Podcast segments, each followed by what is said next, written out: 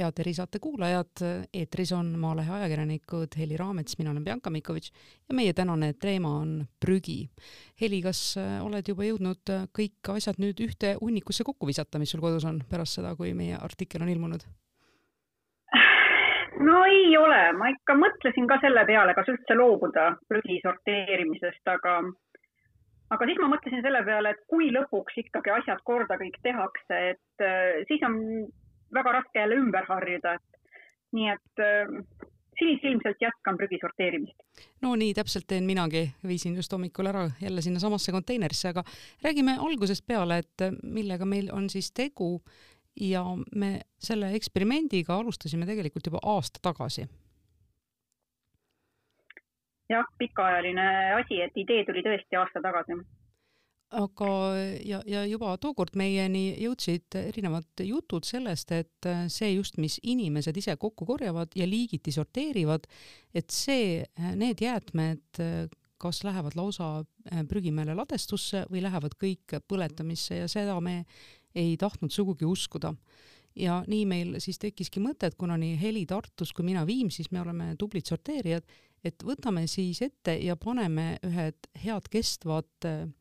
sellised GPS tracker'id või jälitusseadmed oma pakendite külge ja vaatame, kuhu nemad jõuavad. ja selleks me valisime äh, tugevast plastist ketšupi pudelid, need on just sellepärast, et need tavaliselt äh, prügiliinilt alati korjatakse välja jah, et äh, kõik see võttis aega, et otsida sobivad need jälgimisseadmed, mis ikka tõesti ka vastu peaksid ja jõudsime vahepeal käia ka vaatamas, kuidas prügi sorteeritakse, et mida seal liini peal siis välja võetakse. sest et äh, ega sugugi kõik kraam, mis me nüüd hoolega puhtaks peseme ja pakendikonteinerisse paneme, ei lähe sorteerimisel jälle ümbertöötlemisse no see on tegelikult ja seal me tõesti üks, nägime, et jah. need paksust plastist pudelid, olgu siis ketšupi või majoneesipudelid või pesukeelipudelid, et need on need, mis kindlasti välja võetakse, nii et meie lootus oli, et et, et see ketšupi pudelid koos nende jälgimisseadmetega võetakse välja ja lähevad edasi kusagile, kus neist midagi hakatakse tootma. Ja mida me siis nägime, oli see, et see, mis mina saatsin Viimsist teele, et see läks ilusasti Jõelähtmel asuvasse prügilasse kus tehakse äh, jäätmekütust või prügikütust. see on siis selline asi, et, et võetakse selline igasugune plöks ja löga välja nii-öelda otse äh, ja jääb järele plast, mis, mida, mis siis, millest siis saabki jäätmekütus ja see läheb tõesti irusse põletamisse, et minu ketšupi pudel koos kalli trackeriga jõudiski siis irusse ahju. ja Heli pani mhm. enda äh, pakendi Tartus konteinerisse ja meie suureks üllatuseks sõitis see Ida-Virumaale Uikalasse, kus tegelikult käib ka sorteerimine. Ja me olime alguses täitsa kindlad, et, et ta läkski, jõudiski sinna sorteerimisse, kuni, kuni selgus, et tegelikult seda siiski ei juhtunud. Jah, et see oli ikka paras üllatus, et eh, igaks juhuks sai üle küsitud Eesti pakendiringluse juhi käest, et eh, miks nad saadavad Uikalasse sest me Tartus käisime vaatamas ja siis ta rääkis, kuidas nende poolt Tartus kogutud pakendid lähevad siinsamas Tartus ettevõttes Epler ja Lorents sorteerimisse. ja siis ta ütles, et äh, Uikalaga neil lepingut ei ole, et ei, sinna nad küll sorteerimisse ei vii. nii et äh, täiesti hämmastav ja edasi uurides ta ütles, et paberite järgi tuleb välja, et äh, see konteineri täis kraami sõitiski Epler ja Lorentsisse sorteerimisse aga tegelikkus, nagu jah. selgus, nagu see jälgimisseade näitas,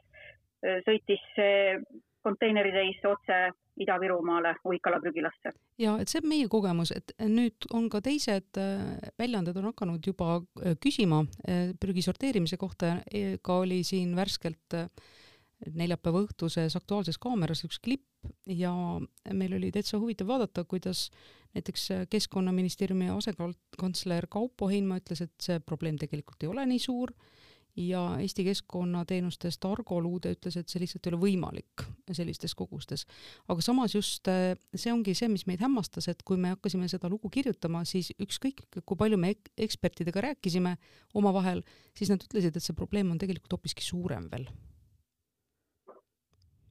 jah, ja ega eksperdid eh, oma nime all osad ei tahtnudki sugugi sõna võtta, et, eh, et kartsid, et see tekitab neile probleeme. ja et nüüd. ja kui vaadata, kui me võrdlesime veel andmeid erinevates aruannetes, siis no andmed absoluutselt kokku ei läinud. et tundus, et igas aruandes on mingid erinevad numbrid ja mis seal salata, ega Keskkonnaministeerium teatas ju ise ka, et nad kahe tuhande kaheksateistkümnenda aasta numbreid muutsid. Sellepärast, et äh, Eestis äh, liiga vähe pakendeid töödeldakse ümber. Ja selleks, et Euroopas, Euroopasse tuleb ju see statistika esitada, et selleks, et see statistika parem välja näeks, muudeti numbreid, nii et kui kaks tuhat seitseteist aastal plastpakendijäätmeid töödeldi ümber vaid kakskümmend seitse protsenti, millega Eesti oli Euroopa Liidus tagant neljandal kohal, siis äh, pärast äh, andmete statistika muutmist järgmine aasta juba kolmkümmend kaheksa protsenti läks ümbertöötlemisse, üksteist protsenti niisugune suur tõus. Ja see tõus tuli tegelikult väga lihtsalt, võeti arvesse ka need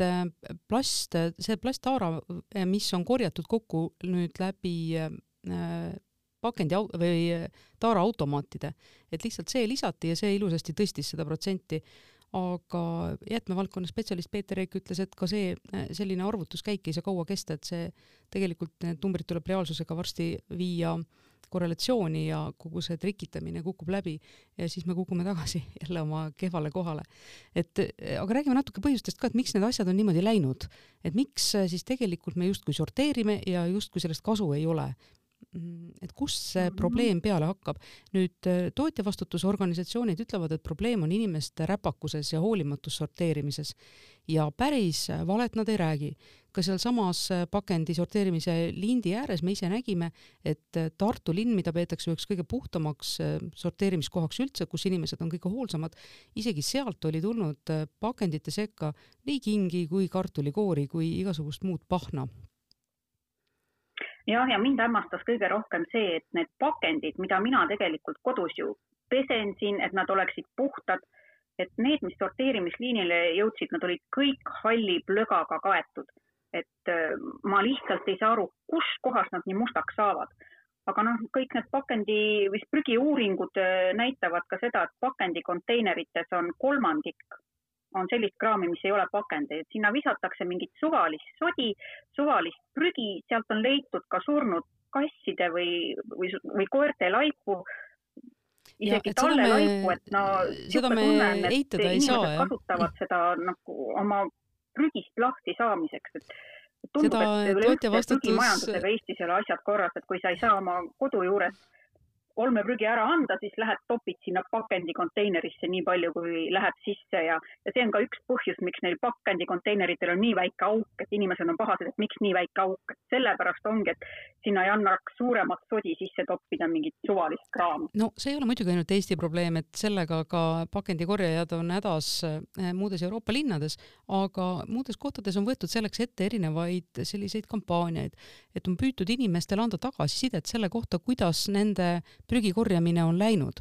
ja välja tulnud, on näiteks pandud äh, tagasiside andmiseks nagu selliseid valgusfoorimärke konteineritele ja püütud õhutada just seda ja suunata inimesi, et nad oleks siis paremad, et see, kui inimesi lõputult hurjutada ainult selle eest, et nad on lohakad, siis need, kes on korralikud sorteerijad, need tunnevad, et neid äh, süüdistatakse ebaõiglaselt ja teisi, kes ei ole korralikud, see lihtsalt ei puuduta. et järelikult puhtalt hurjutamine ei ole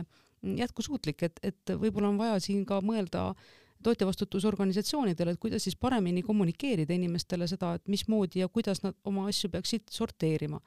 ja see on muidugi ainult probleemi üks osa, teine osa on see, et, et kuidas selline asi saab üldse niimoodi kesta. ja, ja selline äh, korralagedus nii-öelda, et kuidas on võimalik, et see lihtsalt lokkab aastaid ja aastaid ja, ja riik, kelle ülesanne peaks olema seda kontrollida, äh, tundub, et siin on, on kontrolliorganite käed lühikesed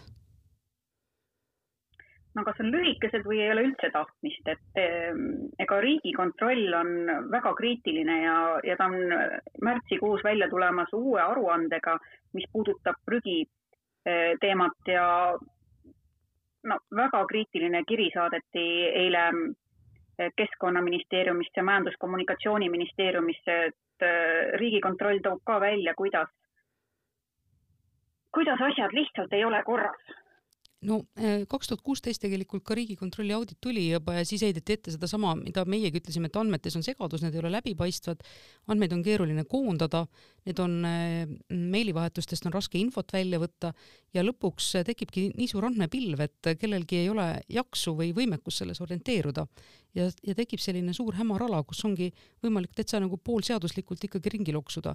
aga noh, probleem on nüüd selles, et tarbijatena meie oleme pettunud, et meie pestud ja korjatud prügi ei lähe ringlusse, vaid läheb siis kas otse prügimäele või läheb äh, põletusse ja äh, teine probleem on see, et tegelikult sellise tegevuse eest peaks äh, riik saama aktsiisi, pakendiaktsiisi, mis jääb kõik saamata ja meiega koos tegi täiesti sõltumatult, kusjuures hakkas uurima sama teemat Eesti Ekspress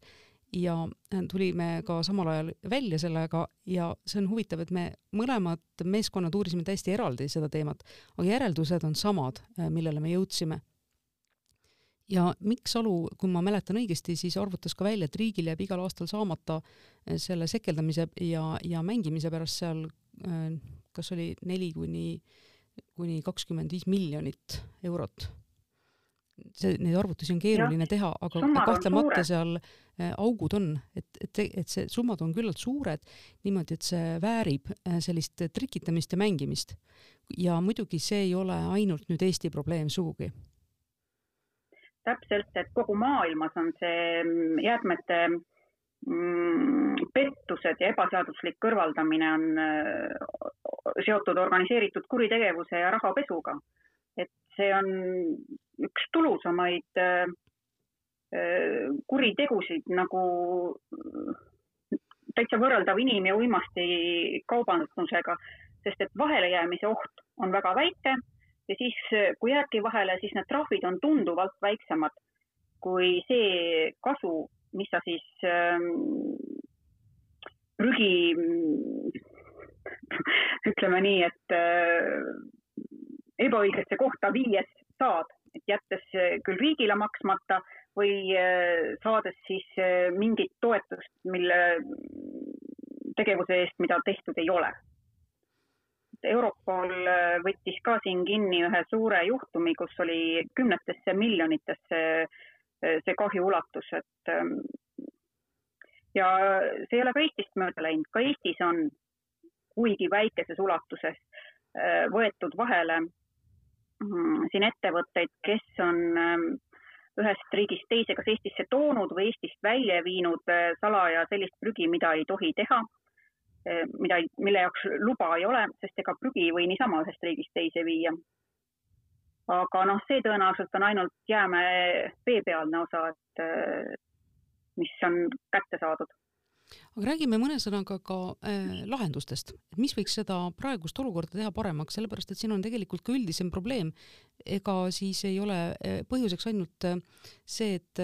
mõned inimesed on teistest rahamaiamad või katsuvad kergemalt äh, oma äri teha, vaid ka probleem on tõesti tegelikult olemas ja see on selles, et palju kasutatakse äh, pakendites niinimetatud komposiit või segumaterjale, mida ei olegi üldse võimalik ümber töödelda või mille töötlemine on niivõrd kulukas ja raske, et äh, see ei ole otstarbekas. jah, minul on, see on konkreetne näide, et needsamad tetrapakist keefiripakid, mida ma hoolega pesin ja siis äh, seal pakendiliini ääres, kus sorteeriti, ma nägin, kuidas need kõik sõitsid prügikütuse jaoks põletamisse. et neid üldse ei võetudki välja ja kui ma küsisin, milles asi on, miks neid välja ei võeta, siis öeldi, et neid ei olegi võimalik üldse ümber töödelda, et niisugust tehnoloogiat ei ole. hiljem asja täpsemalt uurides selgus, et on olemas, tehased on olemas nii Soomes kui Rootsis, aga lihtsalt see on niivõrd kallis,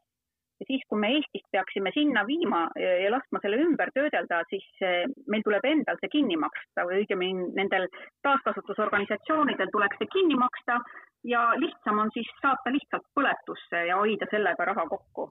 Aga Nii samas, et, kui me ehm, seal liini ääres vaatasime, kuidas meie pestud pakendid siis lähevad sinna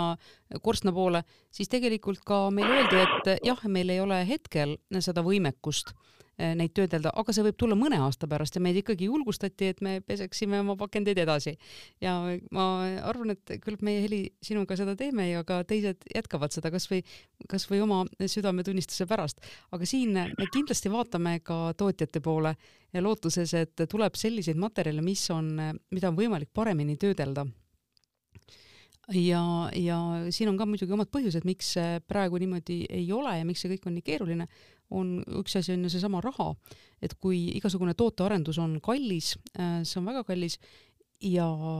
kõik selle, mis seal välja töötatakse, maksame me ju omast taskust kinni. ja seda me ei taha ja samas me ei taha ka tagasi minna sinna niinimetatud nõukogude aega, kus me kõik asjad tõime kas paberisse mässitult või äh, klaaspurgis endale poest koju. et ka, ka seda me ei tahaks täna enam teha, et me peame siin leidma lahendusi ja, ja selles suhtes me ootamegi, me ootamegi tootjatelt neid mõtteid, mida teha ja me ootame ka riigilt eh, nende mõtteid, sest eh, see on kindlasti vajalik, me ei saa jääda ainult selle peale, et me ütleme, et, et kogu probleem on selles, et inimesed ei oska sorteerida. sellega ma kuidagi täna nõus ei taha olla